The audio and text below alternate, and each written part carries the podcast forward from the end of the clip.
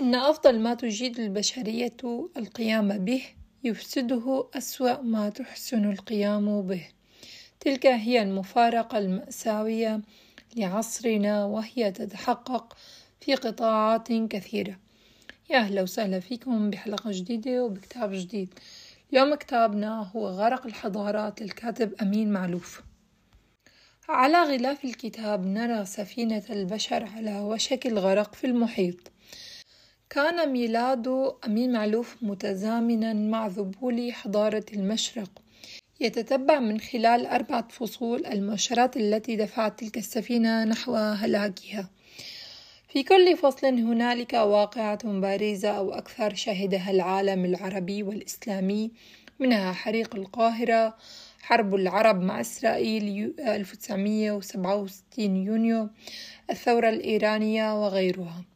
الفصل الأول كان عبارة عن فردوس يحترق. كانت مصر الوطن بالتبني لأمه.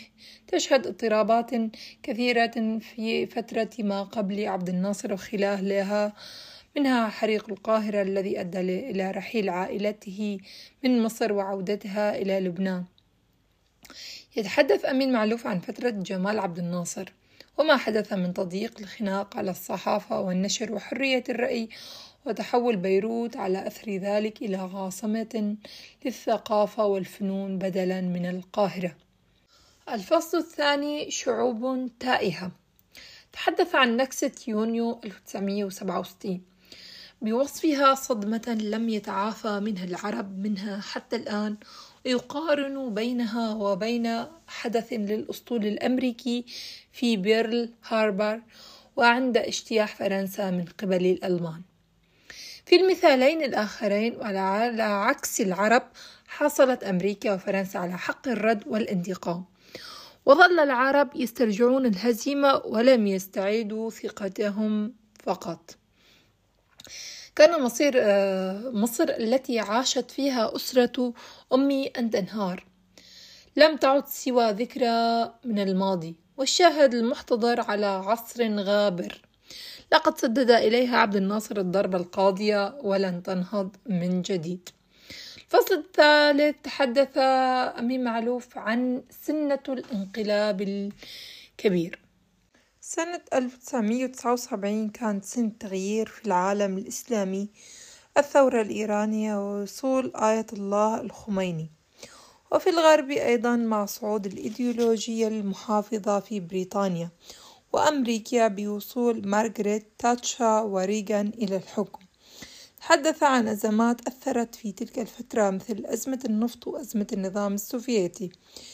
كان أمين معلوف في سايغون عندما حدثت المعركة الحاسمة لحرب فيتنام وسافر على نفس الطائرة الفرنسية التي أعادت آية الله الخميني إلى طهران وقت الثورة الإيرانية. فكان شاهدا على الأحداث تلك الفترة. ومن ثم متأملا لتطورات كل هذه المواقف بعد مرور السنوات عليها. الفصل الرابع عالم متفكك. يتأمل في السمات التي تقلقه بصدد عصرنا الحالي مثل أزمة الهوية في القرن العشرين هذا الصدام بين الحضارات والذي تنبأ به صامويل هنتيغتون بين الأديان المختلفة والذي كان من المفترض أن يحدث تكتلات تتنازع فيما بينها. لم يحدث كما تصوره بل حدث ما هو أسوأ من تفتت وتشرذم للكتل الصغيرة داخل كل جماعة ثقافية ما نتج عنه فوضى عارمة. وضرب مثلا بما فعلته السلطات البريطانية عندما قسمت شبه القارة الهندية إلى دولتين. وظلت بعد ذلك تتفتت وتتناحر حتى يومنا الحالي. وأيضا الفروق الاجتماعية وكيف اختلفت نظرة المجتمع للإثراء الفاحش بانبهار بدلا من التقزز والاستهجان من مداخل الممثلين ونجوم الغناء ولاعبي كرة القدم.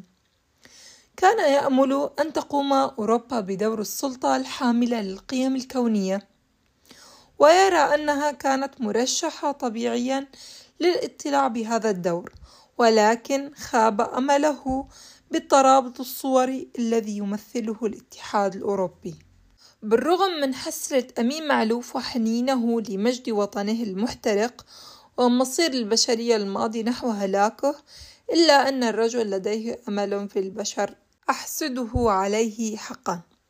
ولديه إيمان بأن الصحوة البشرية ما زالت ممكنة. لا أتوقع ذلك. في السنوات الأخيرة تراءت لنا من كل خطر من المخاطر التي ذكرتها في هذا الكتاب لمحات معبرة بل وأحيانا بوادر مريعة مثل مذاق مسبق لما قد يحدث غدا إذ لم لم يلغي هذا الانحراف عن المسار. فهل سنحسن استخلاص الدروس قبل أن تصفعنا هذه المصائب صفعا؟ هل سنتحلى برباطة الجأش لاستعادة وعينا وإعادة تثبيت وجهتنا قبل أن يفوت الأوان. ما زلت أود أن أتمنى حدوث ذلك. فسيكون من المحزن أن تظل سفينة البشر تمضي على هذا النحو نحو هلاكها. غير مدركة للخطر الداهم. يحدوها اليقين بأنها لا تدمر. مثل سفينة التايتانيك فيما مضى. قبل أن تصدم في الليل يجلبها الجليدي المشؤوم. بينما الأوركسترا تعزف ترتيلة يا ربي أقرب منك والشمبانيا تسكب في الكؤوس. رؤية أمين معلوف للواقع كانت رؤية تشاؤمية. أه لا أعلم كنها ولكن بعد قراءتي لعدة كتب أدركت يقينيا بأن ما تكلم عنه أه معلوف هو واقع أه وهذا تكهن واقعي وحاصل وحصل ذلك. آه، فعلا حضارتنا آه، غرقت. آه، ليست وهو لما قصد غرق الحضارات كان يقصد الحضارات العربية يعني بالوجه بوجه الخصوص مو باقي الحضارات لأنه ما عبر عن غير عن واقعنا. نحن المر للأسف واقع غرق ولسه عم يغرق وما وقف غرقان.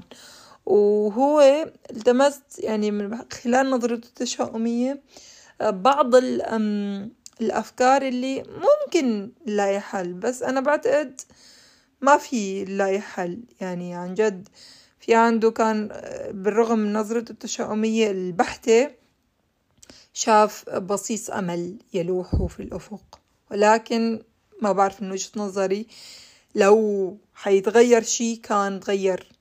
من فترة. نحن بمرحلة انحدار للأسف. ما بعرف شو هو الشيء اللي ممكن يرجع يبني حضارتنا من أول وجديد. ما بعرف. يعني أنا مو نظرة تشاؤمية بل نظرة واقعية للواقع اللي عم نعيشه لسياستنا لسياسة الشعوب. كل فترة بقول لا هلأ لازم يصير تغيير. المشكلة كل ما حدا عم بينادي بالتغيير بأي مجال بالدولة أو بالحكومة عم يقمع. لا عم بيصير الوضع أسوأ من قبل. لا لا, لا. خلاص خلينا نمشي بأمان وسلام. لآخر عمرنا. اللي قرأ الكتاب بتمنى اسمع رأيه بالموضوع. وشو تكهنه أو كيف شاف الكتاب. رشحوا لي كتب ممكن يحكي عنها بهذا الخصوص. بتشكركم كتير إنه استمعتوا للحلقة وترقبوني بحلقات المقبلة. بشوفكن بإذن الله.